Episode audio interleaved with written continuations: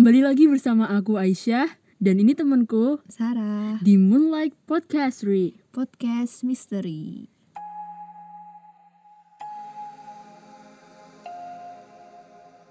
Nah, di episode sebelumnya kita udah sama-sama mendengar cerita tangisan pohon beringin.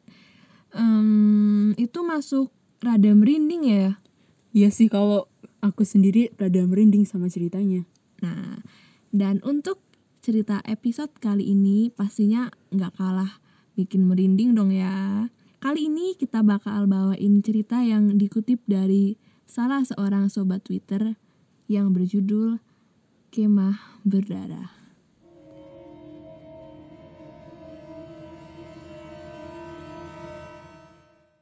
Um, anyway, sebelum aku mulai lebih jauh lagi ceritanya, aku mau ngasih tahu kalau di sini aku bacainnya itu sebagai sudut pandang orang pertama ya. Jadi seakan-akan aku yang mengalami kejadian ini gitu. Lanjut ke ceritanya, di tahun 2009, tepat aku menamatkan sekolah menengah umum, pagi yang biasa di kediamanku setelah menerima hasil kelulusan tentunya, mata yang bermanja dengan hamparan danau yang begitu luas di bumi Sumatera. Hamparan danau dan barisan bukit yang menghijau membuat mata terkagum akan pantulan kemilau akan sapaan mentari. Segelas kopi yang sudah tersaji di pagi hari belum juga aku seruput. Terdengar nyaring suara yang menyahut dari temanku.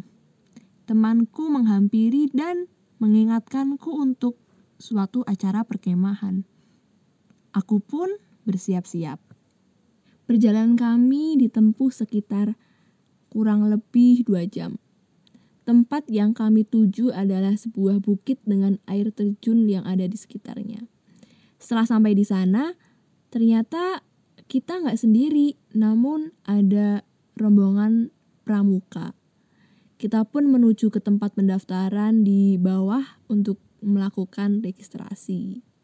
Dan perjalanan pun dimulai. Kita berjalan dengan senang dan sambil bernyanyi dan menikmati pemandangan. Tanpa kita sadari rombongan pramuka tadi ternyata pembinanya adalah kakak kelasku dulu. Jadi kita bergabung sama mereka dan untungnya mereka menerima kita dengan senang hati. Sesampainya kami di area camp dan akan bangun tenda, ada suara terdengar suara ranting besar jatuh dan kakak kelasku ini ya panggil aja namanya Mas Abu menghimbau agar tidak mendirikan tenda di sekitar pohon besar tersebut. Kita pun menuruti saran tersebut dong, pastinya biar kayak aman gitu nggak ada kejadian apa-apa. Tapi setelah beberapa waktu, datang tiga pemuda dan mereka mendirikan tenda di sekitar pohon besar itu. Mereka sudah kita ingatkan, tapi ya apa daya namanya juga pemuda kan ya, nggak gubris sama sekali kayak ngeyel gitu loh.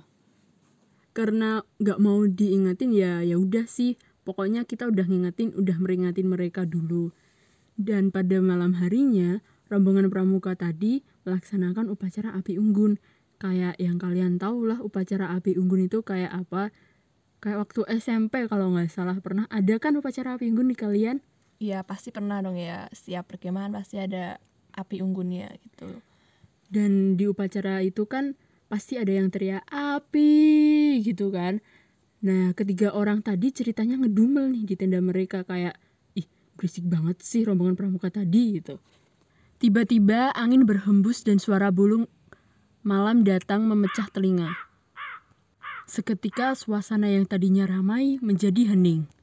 Mas Abu pun menginstruksikan untuk masuk ke tenda masing-masing.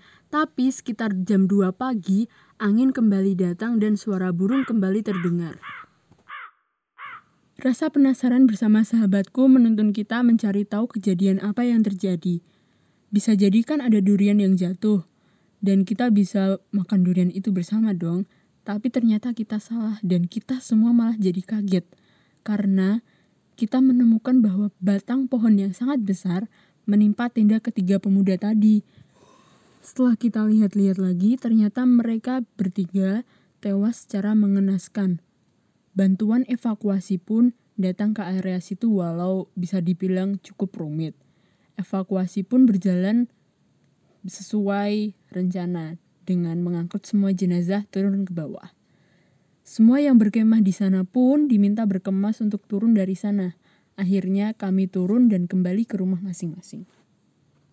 Berbulan-bulan setelah melewati masa menghapus pengalaman tadi, teman-temanku mengajakku untuk camping lagi. Karena aku hektik dengan urusan kantor, aku pun mengiyakan ajakan mereka. Singkat cerita, sampailah kita di lokasi tersebut. Kita mendirikan tenda dan minum bersama. Parahnya lagi, kita tuh cuma bawa satu tenda. Dan kita itu di sana bertujuh, jadi ya nggak muat dong ya tendanya. Sampai kita memutusin buat sama-sama di luar. Singkat cerita, kita tuh udah mau maghrib kan itu. Terus di seberang sungai itu ada tenda berdiri dengan gagah, di mana di sana tuh cuma ada satu jalur. Dan kalau di logika, mereka harusnya ngelewati tenda kita dulu. Dan dari situ aku tersadar akan pengalaman beberapa bulan yang lalu. Aku mulai was-was dan panik. Namun tetap diam dan tidak menceritakan apa pun ke teman-temanku. Keusilan temanku menjadi-jadi. Wih, ada tenda tuh di sana. Woi bang, sini nongkrong bareng dong. Gila kali lah temanku ini. Malam itu masih terasa biasa aja. Di hari selanjutnya, kita semua duduk melingkar di depan tenda kita sama seperti malam kemarin. Saat kita duduk melingkar di depan tenda, teman-temanku memintaku untuk menceritakan pengalamanku dulu. Tapi aku takut akan mereka datang lagi ke kita.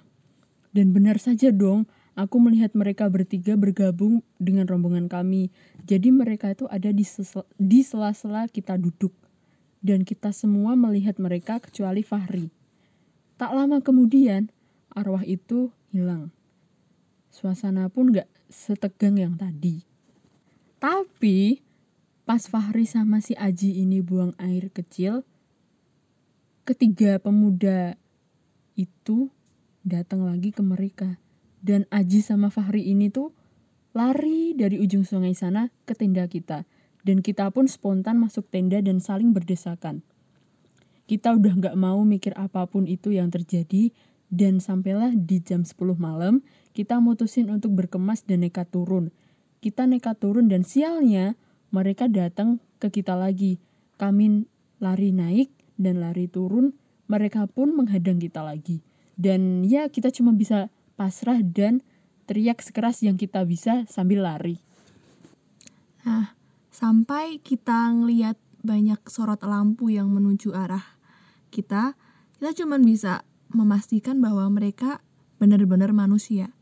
Dan ya, ternyata mereka benar manusia seperti kita. Setelah itu kita dibawa ke rumah sesepuh yang ada di sana. Hanya beberapa dari kita yang boleh masuk ke rumah itu karena tiga di antaranya masih diikuti arwah. Warga desa pun membantu proses netralisasi untuk mereka bertiga. Dan setelah itu baru diperbolehkan untuk masuk ke rumah sesepuhnya tadi. Setelah diceritakan bahwa selepas evakuasi jenazah, desa tersebut diteror setiap malam ada yang mengetuk pintu, ada yang minta makan, dan sebagainya. Menurut para sesepuh di sana, arwah mereka masih gentayangan karena hanya dibungkus tenda dan dibiarkan lama. Bisa juga karena ada organ mereka yang tidak ikut terbawa. Kemudian setelah kecelakaan itu juga tidak ada yang berani naik gunung lagi kecuali kita dan akhirnya kita pulang dan mendoakan mereka agar hidup tenang dan terima dan diterima di sisi Tuhan.